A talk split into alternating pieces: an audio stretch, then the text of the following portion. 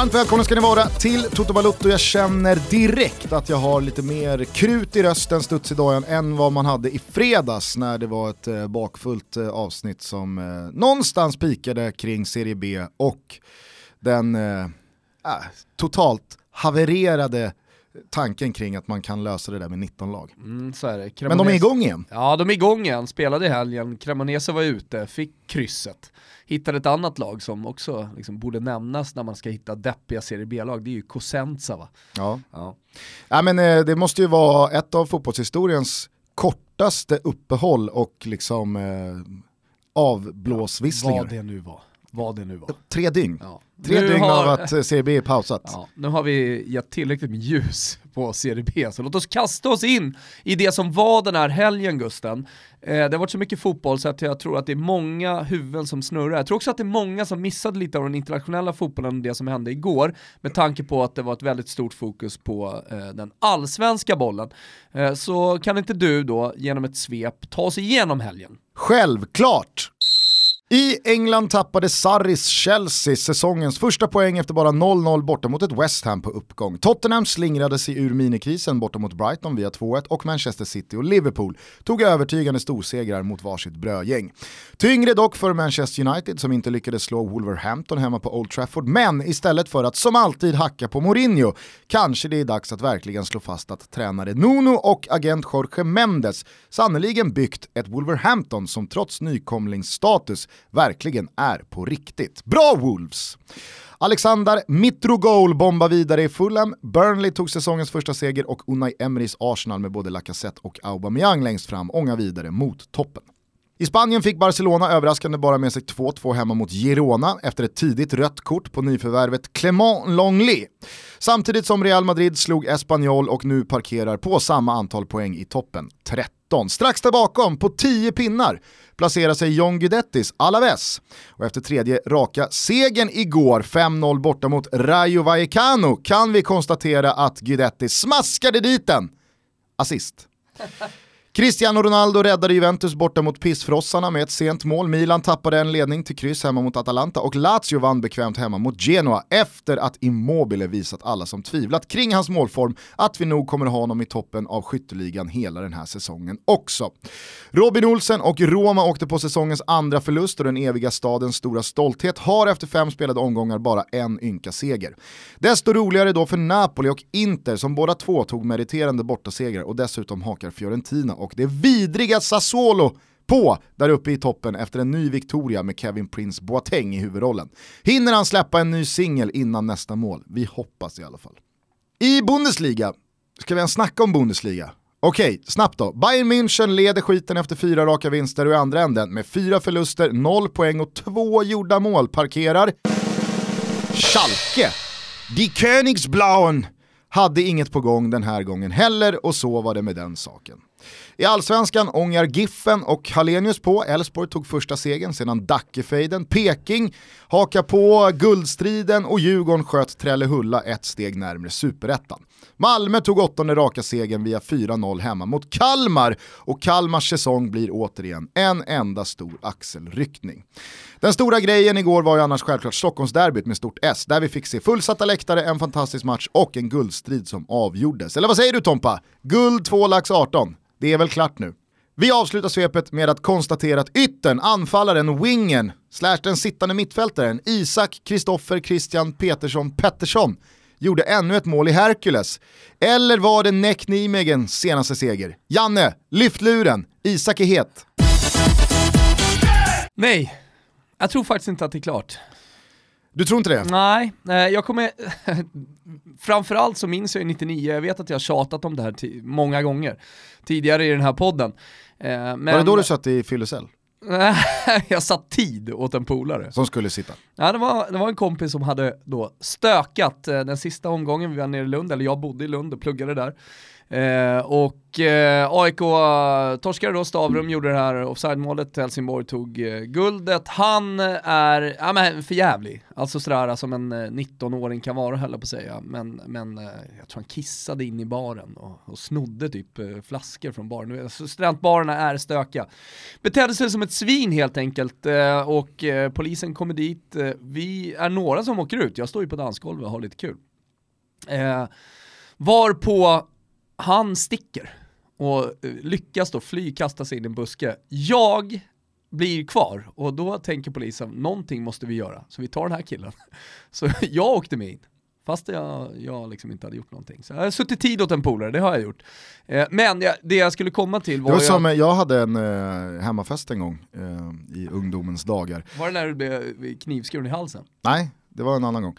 Men då har jag en fest, dit kommer det ett eh, grabbgäng på 5-6 pers från eh, Järfälla. Jaha. Eh, stökiga lirare, så att eh, de är inte välkomna in. De, eh, de blir nekade i dörren av min polare Kim som agerar dörrvakt. Eh, så att, eh, ja, men det, var, det, det var inget konstigt med det, utan eh, de, de tog det hyfsat bra, i alla fall gentemot mig.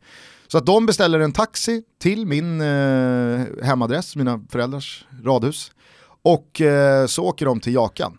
Och när taxin stannar i Jakans centrum så väljer de att eh, rånmisshandla taxichauffören. Så att eh, en halvtimme senare rullar ju eh, fyra polisbilar upp eh, med en blodig taxichaufför med sig till då adressen de fick körningen ifrån. Och säger ja, alltså det var fem killar som rånmisshandlade den här taxichauffören. Slog av näsan på honom och drog med kassan. Och jag säger okej. Trist. Ja, alltså. Tungt för chauffören och det, det är för jävligt. men vad vill ni att jag ska göra åt det? Vad, alltså, jag har inte gjort någonting. Nej men du bor på den här adressen som de tog körningen ifrån. Jaha, så det slutar typ med att polisen säger så här, du får lösa det här. Bland det mest surrealistiska jag varit med om. Fick du lösa det då? Nej men jag ser liksom så här, dels så är det väl inte aktuellt, jag visste ju vilka det var men jag behöver väl inte gola ner dem. Men det var bara så konstigt att, det var, det var ingen som sa det i frustration, du får fan lösa det här. Utan det var, det var så här, konstruktivt bara, det här får ju du lösa. Vi ska ha namn. Nej, jobbigt. Det finns en annan taxistory, men den sparar vi.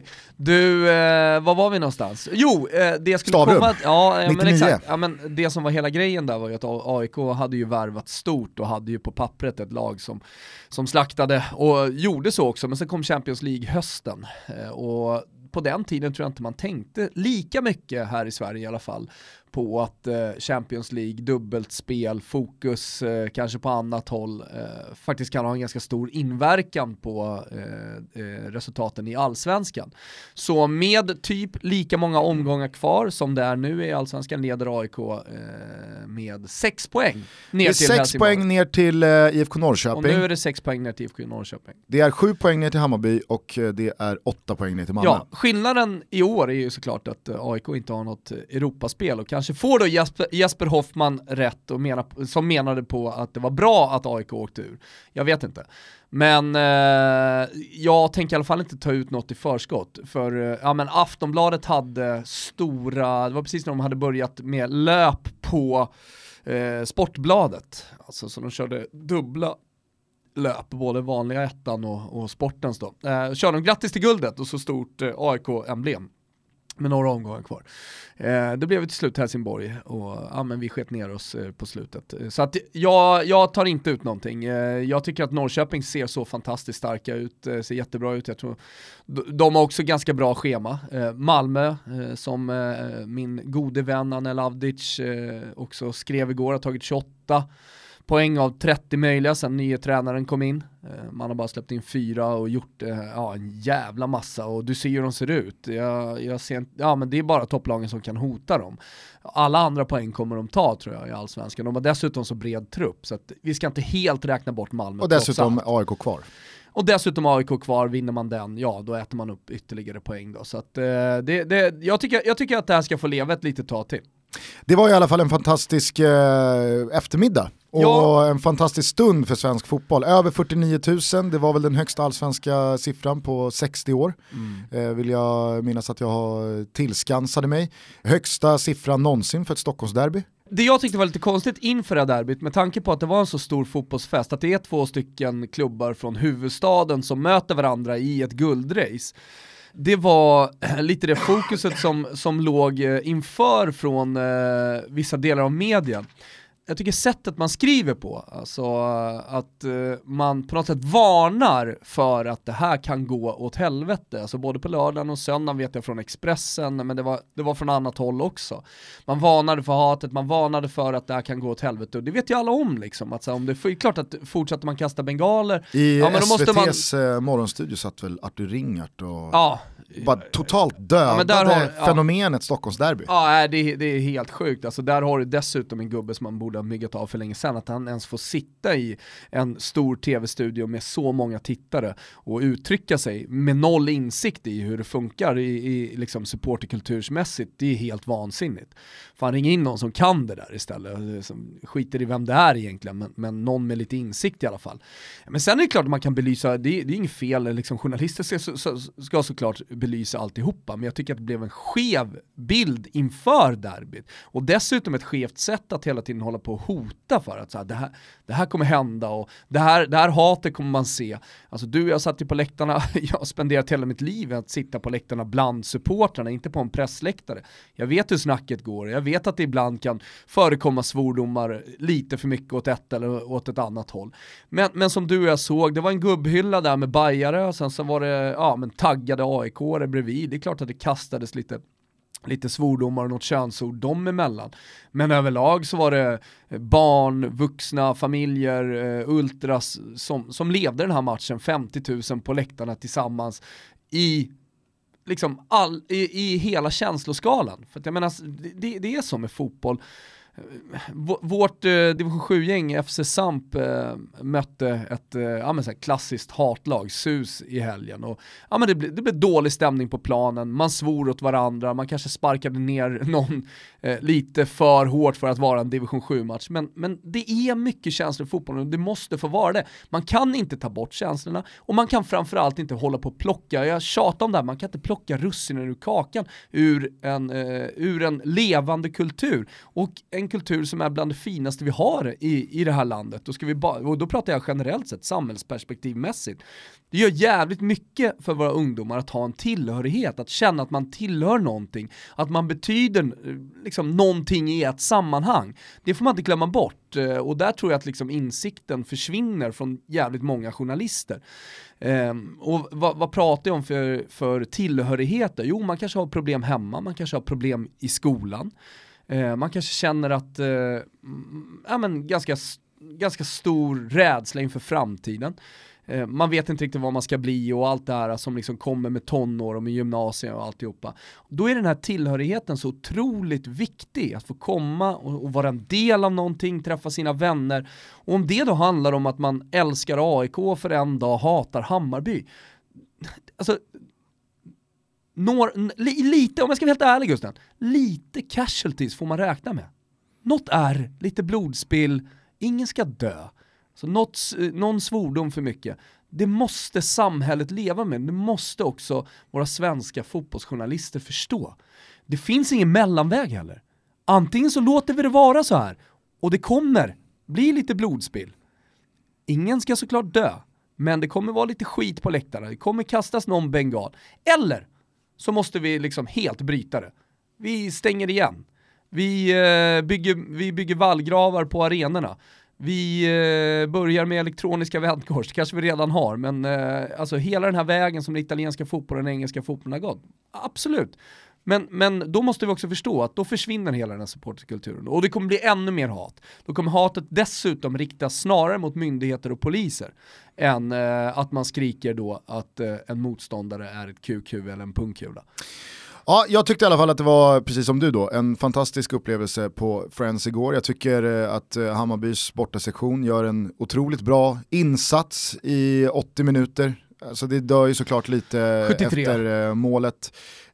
Jag tycker att från och med målet så är det ju sånt party på norra och långsidessektionerna med majoritet AIK på också, som också var jävligt härligt att följa ja, på, på plats. Jävla, en, jävla stort derby och, uh, ja, men och matchen en stor i sig, fest. Matchen i sig lever ju också upp till allting man hade förväntat sig och hoppats på. Mm. Alltså det var tempostarkt, det var intensivt, det var varningar men det var liksom inte sönderblåst och det mm. blev ingen fotboll utan det var, det var böljande och det var kul att följa och det var spännande och det var straffar och det var straffmissar och det var bortdömda mål. Situationer och... som man ska diskutera i efterhand kanske i, i liksom hela vår livstid, tänk om och så vidare. Ja. Eh, givetvis så är det ju en straffsituation på tilläggstid. Eh, du och jag hade ju en liten speciell upplevelse under matchen igår i och med, i och med att vi var där tillsammans med, eller tillsammans med, vi var där på uppdrag av Kiva Inspekta att ja. hänga på Stefan Johannesson, mm. att eh, punktmarkera honom lite innan och efter och under en sån här stor match. Således så hade vi väldigt, väldigt mycket liksom, eh, koll på just Johannesson och hans beslut. Och när den där straffsituationen uppstår, alltså, jag tycker att Billborn sa det ganska bra efteråt, att det där är en situation, det är bara accepterat. Det går att blåsa straff, men det går också att fria. Mm. Jag köper liksom båda två. Jag såg att eh, Gille var ute och eh, sa någonting om att Johannesson verkar njuta av att döma straff mot oss och att Johannesson inte ville, han ville inte ens bemöta det. Alltså jag, jag tycker verkligen att, jag håller med Billborn, det där är en situation som det går att blåsa straff och det går att fria. Precis som alla Kim pratade om den här skallen liksom för två veckor sedan, eller var det en vecka sedan. Din eh. bror är inte riktigt av eh, liksom, samma och många bajare håller ju inte med. Nej och så ska det ju såklart vara. Är man supportermässigt färgad, är man subjektiv som en fotbollssupporter är, då är det klart att man är enögd. Hammarbyare tycker det är straff, det är nog en del aik som tycker där kom vi undan med blotta förskräckelsen och det där borde nog varit straff. Men alltså, så, så fungerar han, ju efterspel. Nej när det finns känslor och väldigt mycket i potten. Jo, men sen, sen så är ju hans, situa eller hans eh, situationen i straffområdet har ju blivit eh, en snackis här de senaste åren. Eh, jag menar, man blåser ju allt färre straffar. Jag har ju sagt det flera gånger när jag varit förbannad också Eh, i den här podden på domare eh, so som inte blåser, alltså, så att du mer eller mindre kan ha handen i vilken position som helst eh, och sen så nickas den på den, skjuts på den, och så här, då, då, kan man ju sätta det i något slags system. Alltså, man ser ju nästan aldrig spelare nu för tiden täcka inlägg med händerna bakom ryggen. Alltså någonting som var väldigt vanligt för några år sedan, för att domarna blåser inte lika ofta. Sen så har man ju sett anfallare också som har chippat upp den på armar och sånt där, där man en gång i tiden blåste jävligt ofta, när man nu för tiden aldrig blåser. Och det, det, det är där man landar i den här situationen, alltså oavsett om, eh, alltså den tar ju på armen, det säger ju också Pertan efter. Eh, men, eh, alltså, hade han den onödigt långt ut, eh, var, var det en rörelse mot bollen, var det medvetet, var det inte medvetet? Ja, det är en bedömningsfråga och det, det, det är jävligt svårt. Jag älskar att eh, det ändå drogs på att Pertan, eller Per Karlsson då, för de som inte tar smeknamnet, att Per Karlsson går ut och erkänner den jo Per, vi såg det. Alla såg det. Alla såg att den tog på din arm. Det, det folk diskuterar är huruvida det borde varit straff eller inte. Inte om den tog på din arm eller inte. Så vi har ju en, vi har ju en tårtskala. Jag erkänner, jag erkänner. Ja, den det, tog på armen.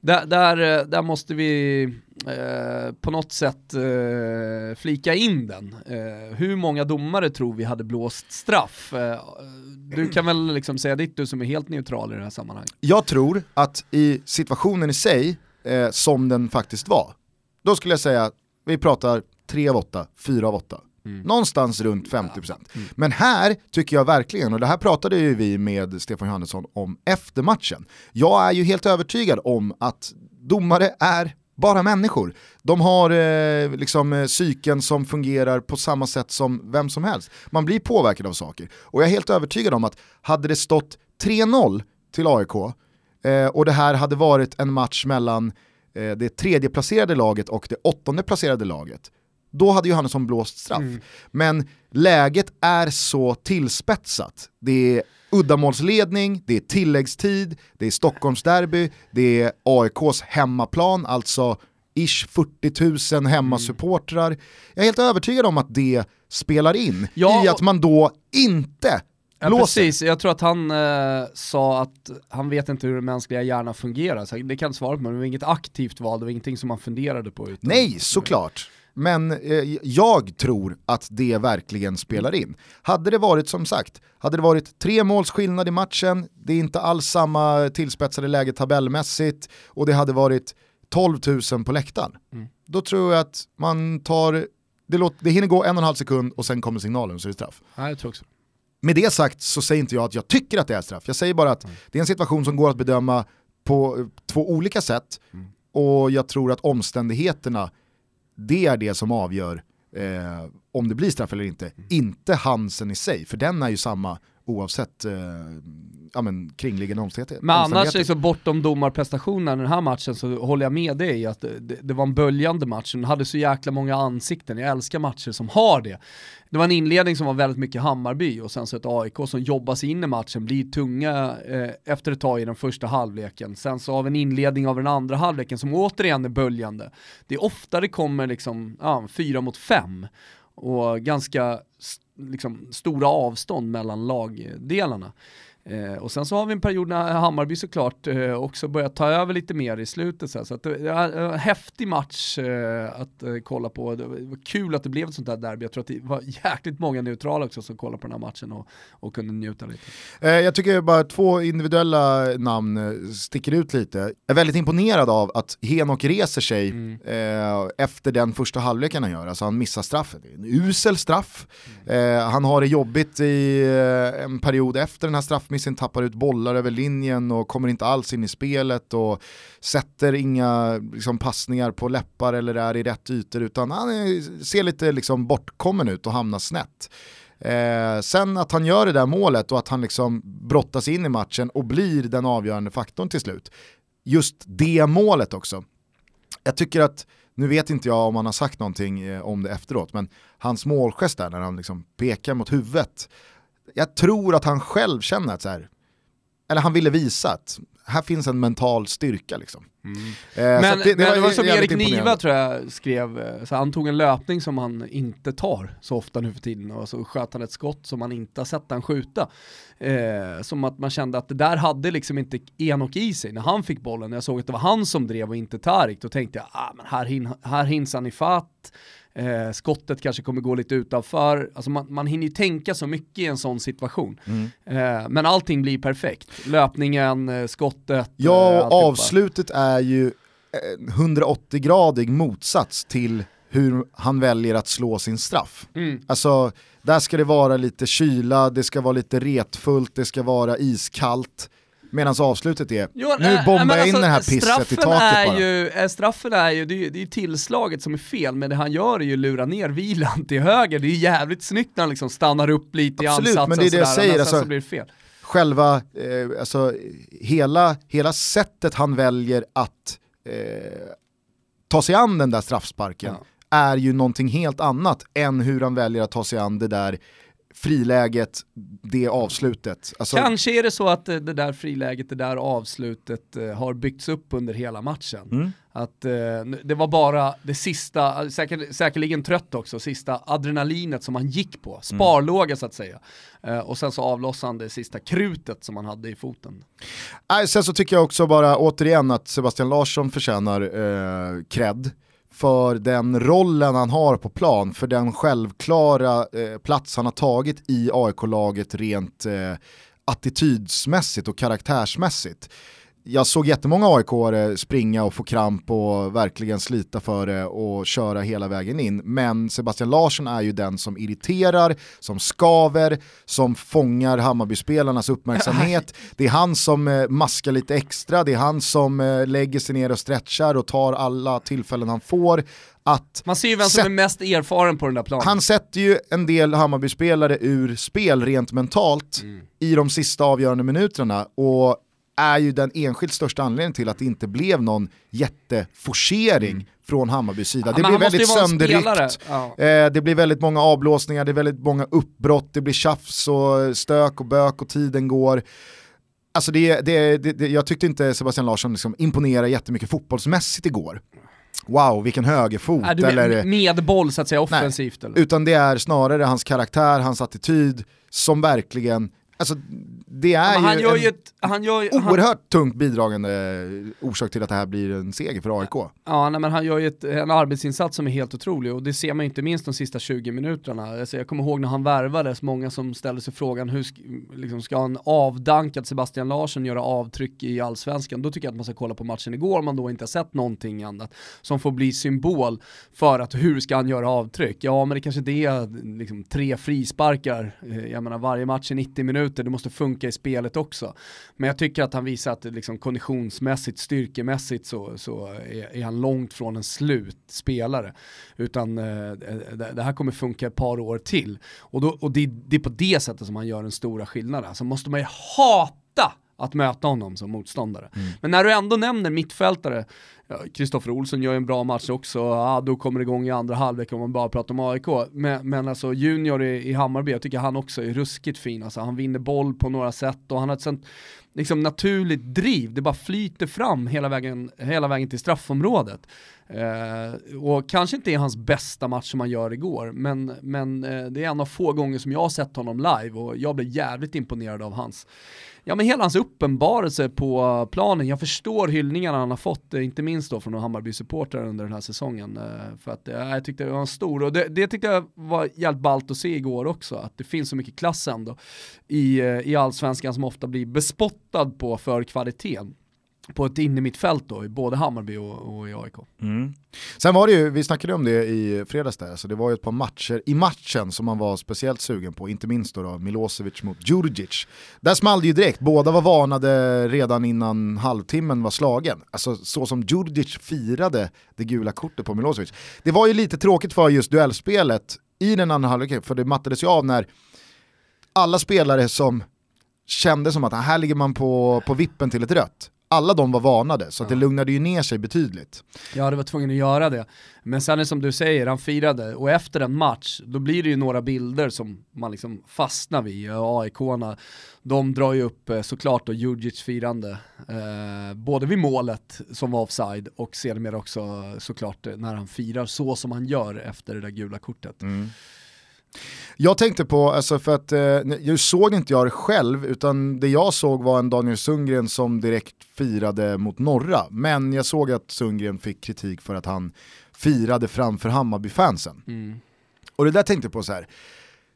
ett, jag vet inte om jag tycker att det är så jävla osportsligt och att det ska, det ska rendera så mycket kritik och skit. Har man vunnit en riktig rivalmatch, kan man inte då få ha rätten att liksom rub it in the face fira? Man behöver inte ta det jättelångt. Alltså, så här, Det är ju att den här grejen blir lite så här, ja, kolla här är AIK-attityden, det är så här AIK är. Det, ja, men jag, jag, det, kom, jag kommer ihåg när Totti firade Eh, han körde väl till och med liksom, eh, dubbelfucken ja, nej, men, mot eh, norra kurvan och. Lazio-supportrarna. Jag tror att när allsvenska supportrar som då blir upprörda över den här typen av ageranden eh, från motståndarspelare, eh, jag tror att de också har hyllat någon gång i sitt liv spelare som har gjort ja, någonting liknande, eh, fast inte för ens eget lag. Såklart, jag menar... Eh, man ju tycka vad man vill. eh, alltså, om, i, i, I Bayern framförallt så har du väl eh, alltså Mats Solheim, han sprang ut med spökmask, alltså han hade ju till och med rekvisita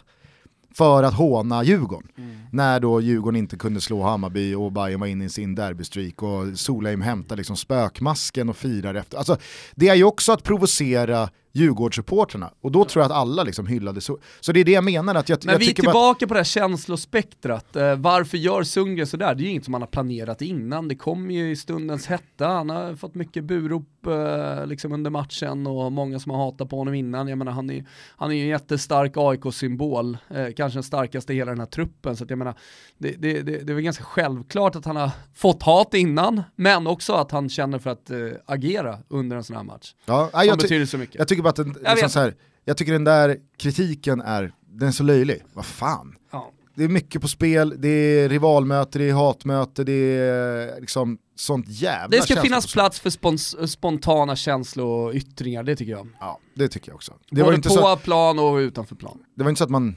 skämdes över Totti när han gav Nej. det till Lazio-supportrarna. Liksom. Sen så finns det väl någonting jättefint med liksom Per Karlsson-typerna som eh, aldrig skulle yppa ett eh, ont ord om någon annan och alltid tar i hand och alltid är fair play och alltid är gentlemannamässig. Jo men och... Paolo Maldini då om du Exakt. vill stanna i Italien.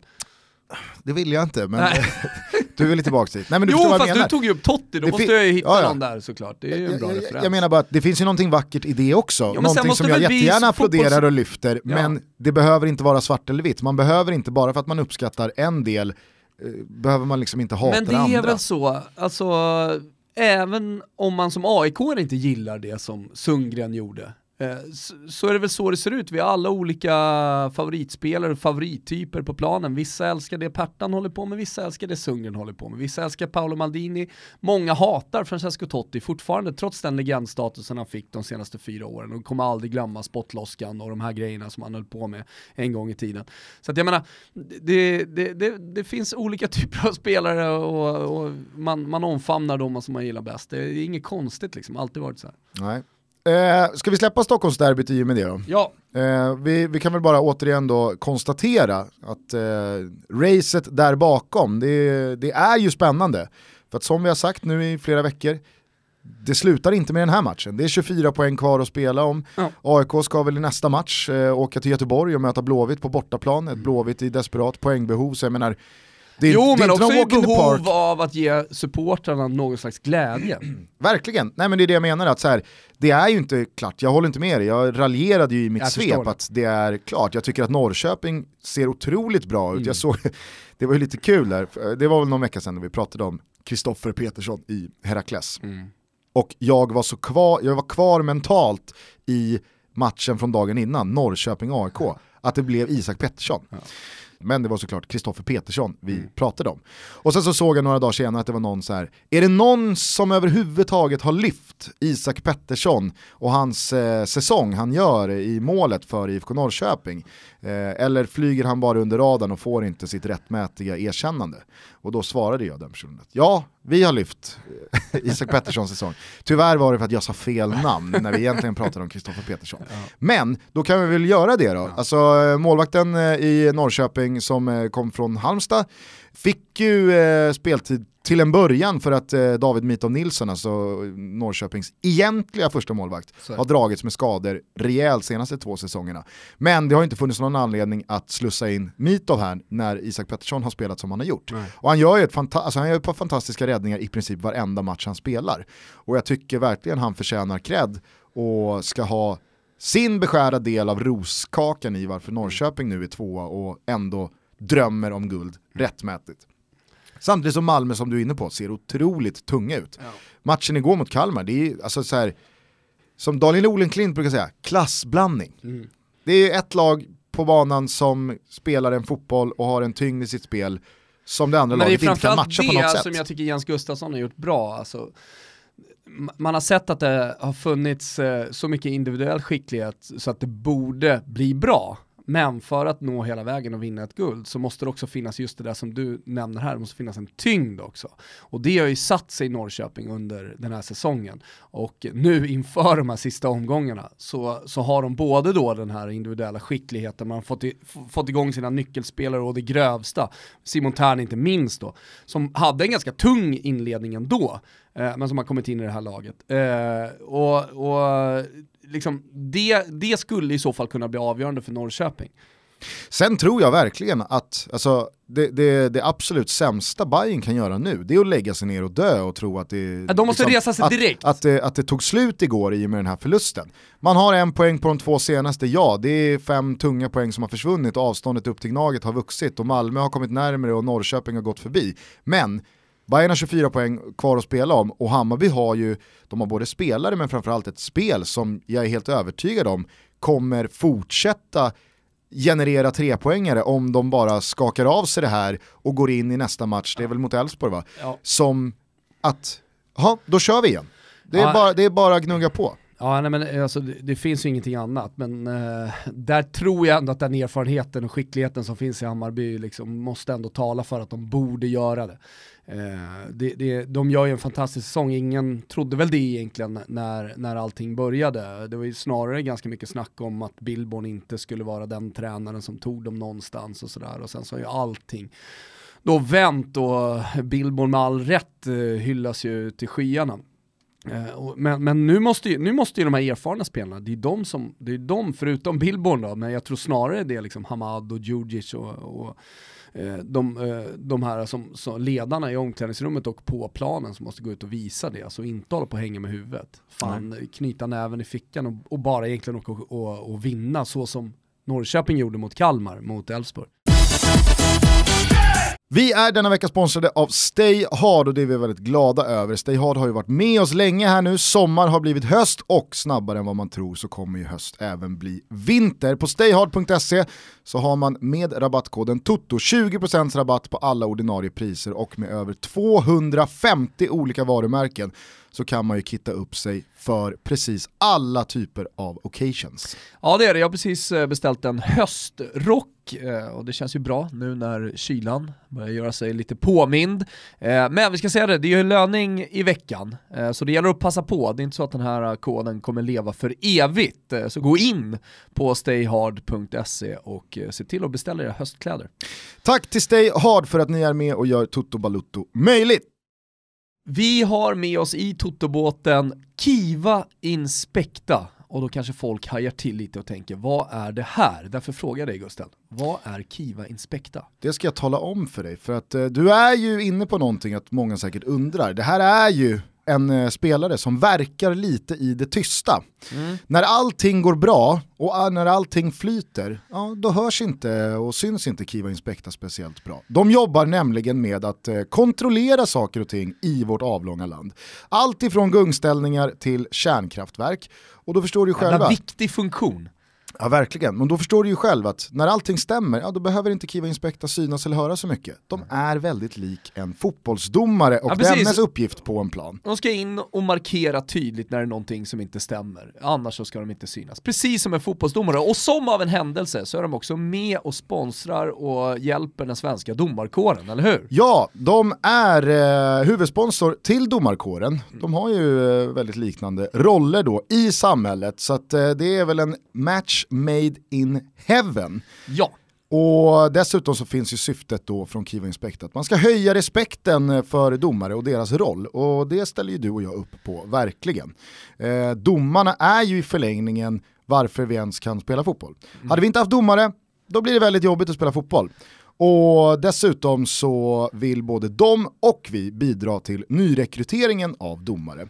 För att den har börjat gå ner mm. och det är jävligt tråkigt. Eh, jag kan tänka mig att eh, väldigt mycket handlar om eh, vad det är för arbetsmiljö för domare, inte minst när det kommer till ungdomsfotboll och allt som ja, men, kommer med den miljön. Precis. Så att, eh, vi vill verkligen eh, lyfta både domarens roll och eh, respekten för den mm. nyrekryteringen och vi är väldigt glada över att Kiva Inspekta ger oss den chansen. Om ni som lyssnare känner igen er i den här rollen som domare har och Kiva Inspekta har i samhället, det vill säga vara den ansvarsfulle som gör jobbet så att vi andra kan leva våra liv, då ska ni kika in på kiva.se och det är alltså Kiva med W. Klicka på fliken för karriär och kolla vad de har för härliga tjänster ute. De söker alltid kompetent folk. Ja, och som en del i det så har vi då valt att gå i Stefan Johannessons skor under en månad här. Vi kommer göra lite olika, eh, men vi kommer följa honom med lite olika delar av hans eh, eh, arbetsvardag. Eh, och vi inledde ju ganska starkt får man ändå säga med tanke på det här. Med skarpt att, läge. Ja, det var skarpt läge direkt eh, med att eh, hänga inför och efter då Stockholmsderbyt mellan AIK och Bayern. Precis, eh, det här kommer man alldeles strax kunna se en liten eh, film ifrån. Mm. Eh, man kommer kunna eh, sätta sig in i Johannessons vardag. Du och jag var ju väldigt liksom så här, nöjda med Johannessons insats. Mm. Det var ett par bajare som inte kände samma sak. Men, ja, nej, men så är det såklart också. Ja, men, men så är det. Men, jäkligt intressant eh, att få se hur det funkar innan, efter, allt från liksom så här, när matchbollarna kommer till hur de diskuterar, hur de förbereder sig och så här. Eh, så en liten film då på några minuter från det här derbyt ur ett domarperspektiv. Och lite kommer... drama också när Johannesson får syltvad efter 22 minuter. Ja, det frågar vi honom Krigade sig igenom resten av matchen.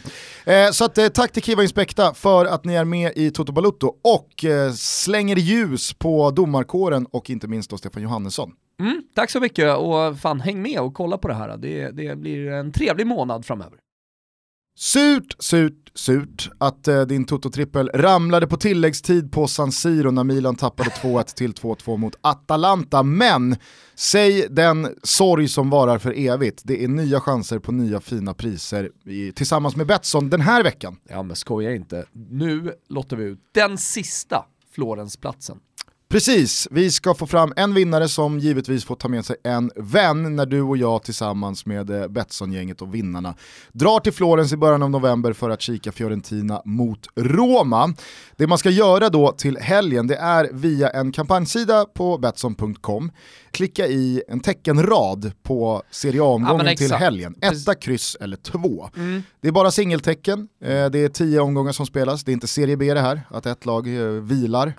Eh, så att, eh, det är tio matcher, det är tio tecken, man ska givetvis få så många rätt som möjligt och som en liten utslagsgivare så är det då totalt antal mål för omgången också som särskiljer eventuella kryss. Ja precis, och för att få vara med i tävlingen så ska man lägga eh, 100 spänn på ett spel där oddset är minst 1,50. Allting kommer vara glasklart när ni går in på kampanjsidan så håll utkik på våra sociala medier, där kommer vi också länka till den här, eh, så Twitter och följ också Betsson för tusan, det är roligt. Ja. gillar deras eh, konto som verkligen har steppat upp här under hösten. Men vi understryker alltså att det är sista chansen på en plats till Florens. Så ja. att, eh, inga, inga sura miner och inga hängna läppar här nu nästa vecka när man missar och undrar varför man inte tog chansen. Jag har ju sett att vi ska bo på Via Tornabuoni, vet du vad den är känd för i Florens? Nej det är där alla fina butiker ligger. Du vet, det är ju så i, i eh, de italienska städerna, eh, inte minst då att eh, Gucci Pucci Prada ligger alltid på en och samma gata.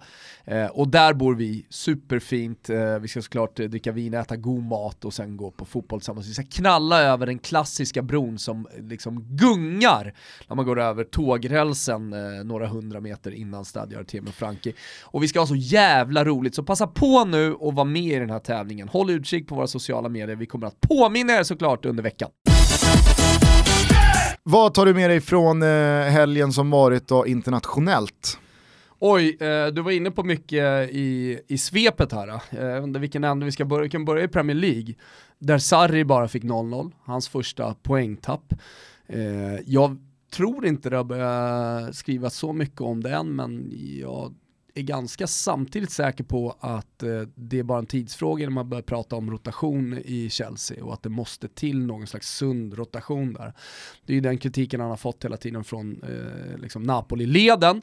Eh, så vi får se vad som händer eh, med Sarri. Eh, jag tar såklart med mig att... ja, men får jag bara stanna där på Chelsea? För en, en lika självklar sak att säga som det jag brukar kritisera och ställa mig frågan till hur man liksom på riktigt kan häva ur sig det här med att mål förändrar matcher, är ju såklart att snacket om ett lag och om en tränare styrs ju såklart av vad man får med sig för resultat. Jag menar bara att efter fem raka segrar så vet man ju att när det första poängtappet eller när den första förlusten kommer så kommer det bli oproportionerligt många veckade pannor och höjda ögonbryn och ifrågasättande för att den där poängmissen till slut kom. Hade någon efter Manchester City-förlusten i Charity Shield sagt att Chelsea kommer inleda första sex med fem vinster och ett kryss. alltså, det... Hade man ju tagit det som Chelsea-supporter direkt. Jag har inte bara tagit det direkt, alltså det hade ju varit fullständig succé. Du hade betalat för det? Jag hade inte trott på det när jag såg Chelsea i den matchen. Att okej, okay, Sarri kommer börja med fem segrar och en oavgjord första sex. Sen att de kommer i den ordningen, fem vinster och sen kommer det oavgjorda resultatet. Det är det jag menar, det blir ju skevt i hur man nu liksom bara ens pratar om Chelsea, så här, som du är inne på, fan det måste börja roteras, och nu, nu, herregud de har 16 av 18 poäng. Eh, och en möjlighet Chilla att lite, slå Liverpool i nästa omgång när de möts till helgen. Så Jag hör dig Gusten. det, det, det är bara det jag liksom noterar. Det är ju samma sak med Liverpool, de har börjat med sex raka segrar. Mm. Det var samma sak med City i fjol. När de eh, till slut liksom torskar den där matchen, det var väl borta mot Liverpool eh, i januari. Mm. Ah, City har gått ner sig ja, Oj, oj, oj, jag, jag, håller med dig, du har Ah, rätt. de tog 18 raka segrar, eh, Ja. 22 raka Ja, men matcher det är väl kanske krönikören i mig som försöker hitta någon grej med Chelsea då. Ja. Ja, men alltså, om man jämför då till exempel med, med Roma som inleder med en knapp seger. Mm. Sen dess har eh, fyra raka matcher utan vinst, två förluster, man tappar två målsledningar hemma mot Kiev, och man släpper in tre mål hemma mot Atalanta, man torskar liksom dyngklart mot Bologna igår. Där kan man ju verkligen prata om att kritiken, oron, alla röster som höjs, eh, alla liksom svarta rubriker, de är ju befogade. Mm. Och nu ryktas det om att Paolo Sosa, ärkesopan, är på väg in i Roma. Före detta Juventus-spelaren. Mardrömmen. Mardrömmen. Mardrömmen. Det, det, var, det var eller det är, i mitt vuxna liv, om vi då eh, bortser från allt som hände med Fiorentina tidigt 2000-tal, den absolut värsta perioden av mitt eh, liksom, eh, supporterskap för Fiorentina när Paolo Sosa var där. Så otroligt osympatisk man. Portugis Jag såklart kommer, ihåg, också. jag kommer ihåg också när han fick sparken. Självklart var han portugis, är han portugis? Ja, jag kommer ihåg när han fick sparken eh, från Fiorentina och matchen efter så mötte, Inter, eller så mötte Fiorentina Inter på bortaplan. Och då satt han på läktaren Ja, ja, ja. kollade. Uh, kommer ihåg att det känns, känns Vad perverst. gör du där? Det känns perverst att han sitter där. Liksom. Ja. Ja, Eh, men håll med mig om Wolves. Jävla fina och spännande de nej, ser ut det, alltså. är ju, det är ju det, och då är det liksom med, med den lilla disclaimern att, eh, ja, smekmånaden kanske kommer vara över för att prata i då krönikörstermer när det börjar gå dåligt för Wolves, eventuellt vad det lider också. Alltså att de har tagit Premier League lite med storm, men är det här långsiktigt? Det är väl det vi får hålla koll på i alla fall. Men jag håller med dig, det är jätteimponerande. De ser dessutom har fått ihop ett lagbygge eh, som både liksom kvalitativt men också breddmässigt verkar funka. Alltså det, det finns inga riktiga svagheter i laget. Och känslan är att de har en del spets med. Alltså, in, det, är inte, det är inte bara att de har tagit Premier League med storm som nykomling, ingen vet riktigt hur de spelar. Utan jag, jag tror på riktigt att det finns så pass mycket kvalitet i det där laget eh, att det kommer hålla. Men man, Till brukar, en mittenplacering eller någonting sådär, men en jättefin, jättefin återkomst till Premier League. man brukar ju prata om just nykomlingar, det behöver inte vara i Premier League, det kan absolut även vara i Sverige, så brukar man ju prata om nykomlingar som, spelar ett, som försöker spela ett spel, ett konstruktivt, kreativt spel, bollen längs backen och herregud, vi tog superettan med storm eller vi tog Championship med storm och bara för att vi har gått upp en division så ska inte vi ändra på vår spelfilosofi. Det finns ju ypperliga exempel på vad som har funkat och vad som inte har funkat. Alltså Östersund hade bevisligen materialet med eh, självklart några kryddande nyförvärv mellan superettan och allsvenskan eller efter första allsvenska säsongen.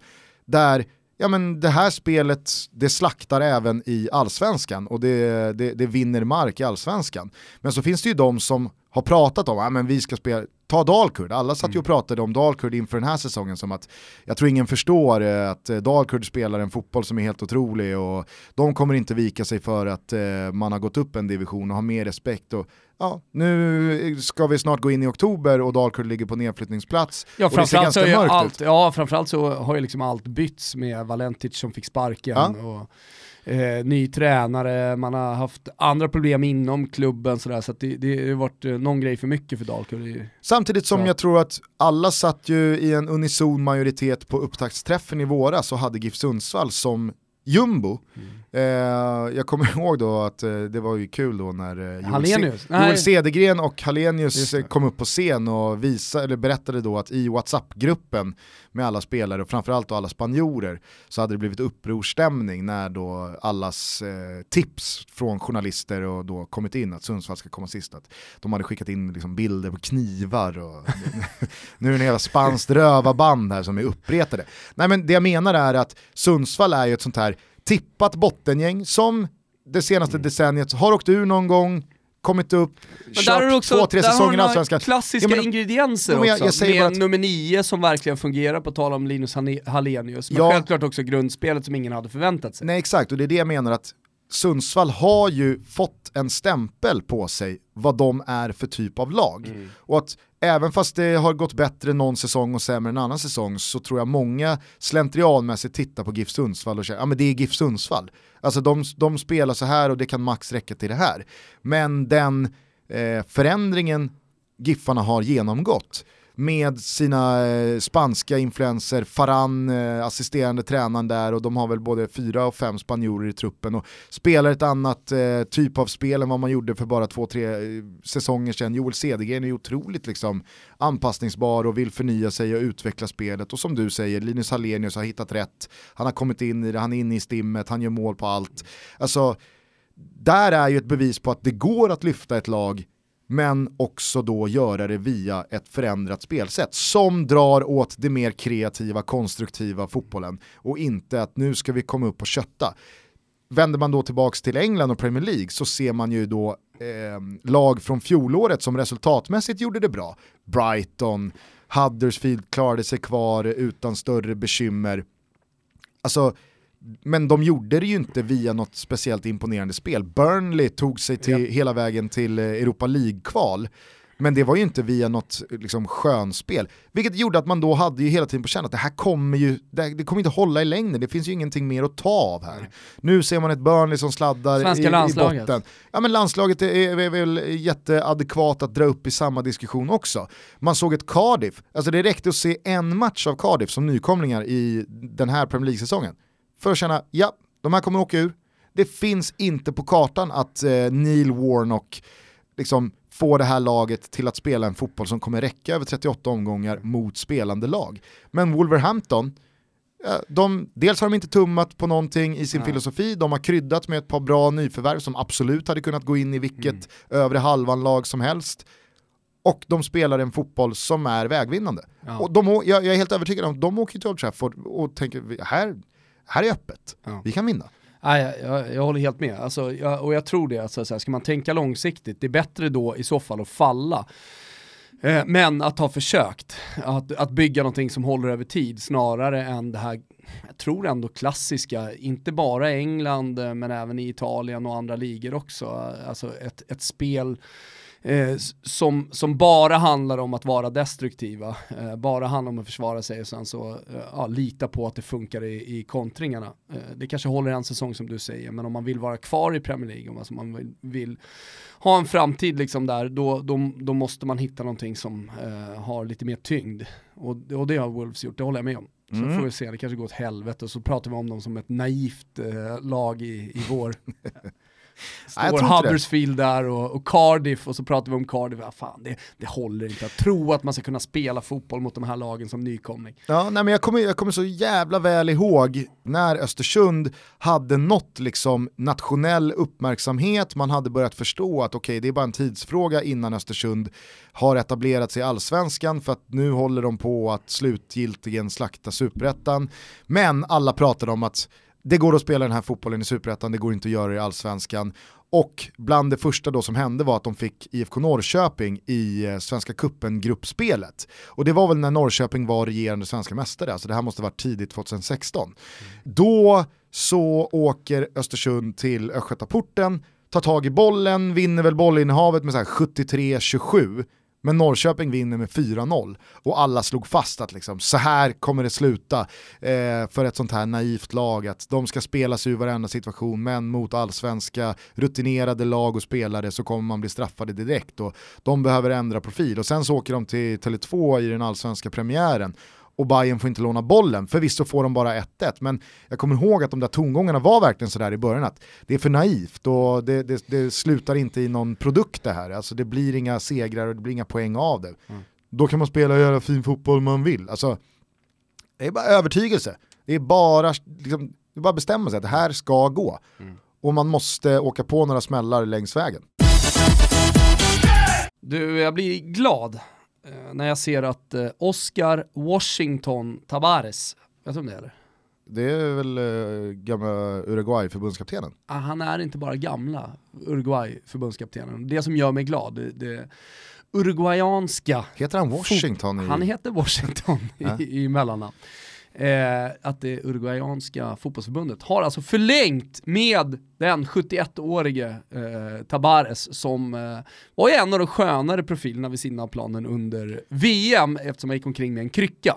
Alltså det var inte bara kryckan utan det var ju he hela, hela, hans, hela hans fysiska uppenbarelse andades ju så här, kommer han överleva Ja och det är det, här, det är det här som blir, ja, kanske lite dråpligt, vi ska inte spekulera i det, men, men han, man har alltså förlängt då till eh, Qatar 2022. Just det, det, är liksom, det är, det är många, fyra år till. Ja, det är fyra år till som Tavares ska, ska fortsätta leda det här landslaget. Alltså kommer man rulla ut honom i rullstol då, 2022?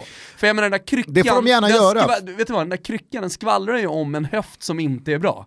Vet... den där höftkulan alltså om fyra år, det är inte så att den kommer förbättras. Alltså rullstol är ju såklart nästa nivå, men vet du vad nästa nivå efter det är?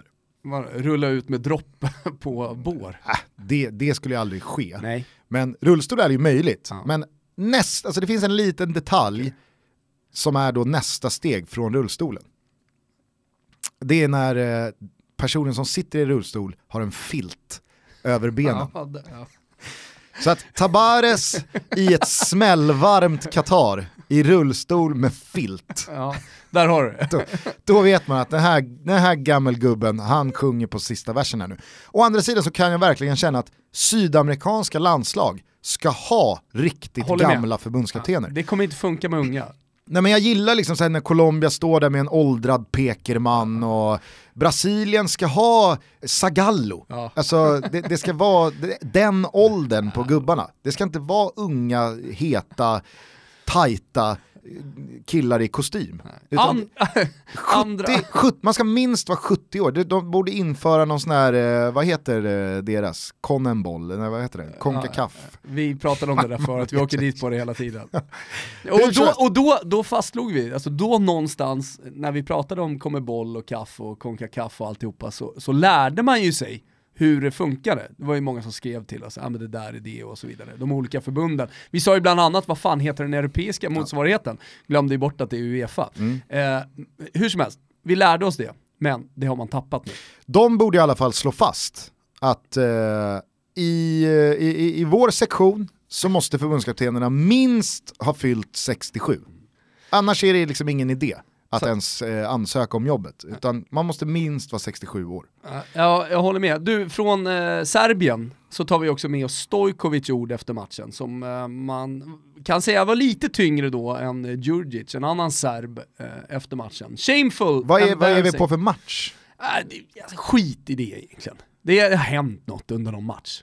Kan vi inte bara nöja oss Aha, med det? Okay. Ja. Och Stojkovic... Han, han är sur. Men det som är grejen är vad han säger efter. Vem är Stojkovic? Men han, han är keeper eller någonting i, i Partizan Belgrad. Det spelar ingen roll, han lirar, okay. han lirar i Belgrad. Uh, han säger efter matchen, shameful, embarrassing, for the first time in my life I'm ashamed to be a Serb. This has ruined this beautiful football event. Tomorrow I'll give up my Serbian passport. He could not see the whole ball in the goal. You have to be 300% sure. Där har du. Lämna in passet, det är ju verkligen... Ja, det är ju att ta det långt. Alltså, Foppa, står, men då undrar man, vill, står han där idag då och lämnar in passet? Foppa vill ju dra på uh, Börje en smäll. Jag måste säga, jag är så grymt besviken på Börje. Han, han är så jävla dålig. Du är lite på domaren. Ja, han är så jävla kass, jag ska dra på honom en smäll. Det är sant det. Ja. Det är ju liksom en reaktion som är såhär, Superrimlig ändå. Jag vill dra på domaren en smäll, så jävla förbannad är Ja men Hamad igår som du sa, ja. men självklart är han förbannad och man ska vara förbannad. Stojkovic, han är... Lämnar in passet. Jag ger upp mitt medborgarskap. Så jävla trött är jag på det här. Va, vad ska han ha för medborgarskap då då? Han blir väl vilde. kan man vara det? Jag tror det. Papperslös. Papperslös. Alltså, frivilligt papperslös. Ja. Det, är, det är en stark reaktion på, stark på ett tveksamt domslut. Ja. Nu går jag full-blown papperslös här. Istället för att då veta om vad det är för match och vad det är för situation, man förstår ju lite av det han säger här såklart, en boll som eh, har varit inne och inte inne och så vidare. Men eh, skicka det till oss då, vi finns på sociala medier, inte minst på Instagram, Eh, där vi heter Toto Balotto, och på Twitter med samma namn. Facebook eh, går starkt nu för tiden också Gustav. Innan vi eh, avslutar dagens avsnitt så tycker jag bara att vi ska påminna alla er där ute som älskar italiensk och eller spansk fotboll. Eh, Strive visar samtliga matcher från Serie A och La Liga och den här veckan så är det det fina, fina fenomenet Midweek-omgång, alltså full ligaomgång mitt i veckan. Det är som en liten sån här eh, julklapp man fick av morsan och farsan på typ tredje advent. Det är en vecka till julafton men man får redan en julklapp. Jag fick ingen. Nej men ibland kunde det ske och då blev man ju extra glad för att det var så oväntat. Man har liksom inte, man har det inte i ryggmärgen Nej. att det ska vara ligafotboll mitt i veckan. Men eh, det är det i alla fall och det är en riktigt fin onsdag i Spanien om du frågar mig. Sevilla mot Real Madrid. Sevilla som gjorde sex mål i helgen va? Precis, dessutom Bilbao mot Villarreal, Barca ska försöka studsa tillbaks bortom mot Leganes. Jävla och sen så har start vi... han har fått Messi. Ja, verkligen. Ja. Men dessutom Valencia Celta Vigo. Det är en kanononsdag i eh, La Liga. det börjar ska jag säga redan på tisdagen eh, med mötet Inter-Fiorentina eh, i Serie A och sen så flyter det bara på då hela vägen till torsdagen där sista matchen spelas. Mm. Så en ruskigt fin vecka, vi har Napoli-Juventus till helgen också, så har man inte signat upp på Strive så är det läge att göra det nu. Ynka 79 bagis i veckan, man hittar det på strivesport.com och i appen. Så, det var det hela. Det var det hela! Nu eh, ska jag åka och kika på min axel som har krånglat en del. Och vet du vad jag ska göra direkt? konstigt med tanke på hur mycket golf du spelar, borde lägga ner det. Eh, dåligt. Nej, vi säger bara efter det hela där att eh, vi hörs om några dagar igen. Eh, fan vad kul att ni lyssnar, fortsätt sprid vårt gospel. Vi älskar er, eh, ta hand om er, puss och kram. Ciao tutti. Ja, innan jag säger ciao tutti så fortsätt att visa era känslor när ni går på fotboll. Det är liksom det ultimata budskapet någonstans i en fotbollspodd. Ciao tutti! I live my life like a king, live it with no pressure, hustling like I don't know better. Me, myself, and I, we gonna get you.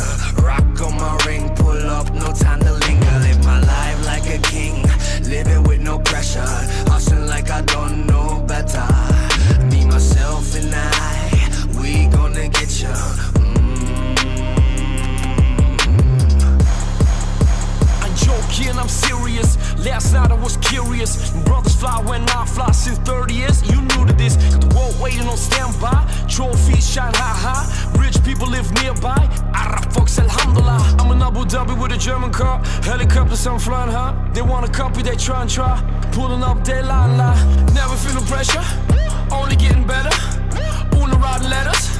Givenchy on my sweater. Live, my life like a king. Live it with no pressure. Hustling like I don't know better. Me, myself, and I. We gonna get you. Rock on my ring, pull up, no time to linger. Live my life like a king. Living with no pressure. Hustling like I don't know better. Me, myself, and I. We gonna get you.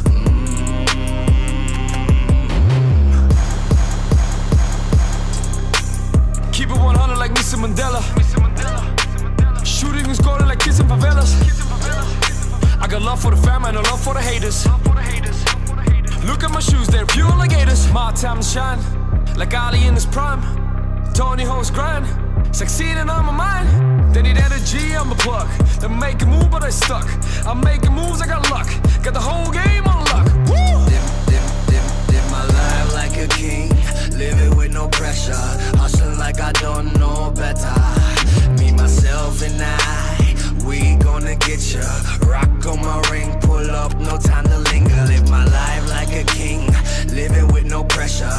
Hustling like I don't know better. Me, myself, and I, we gonna get ya. Mm.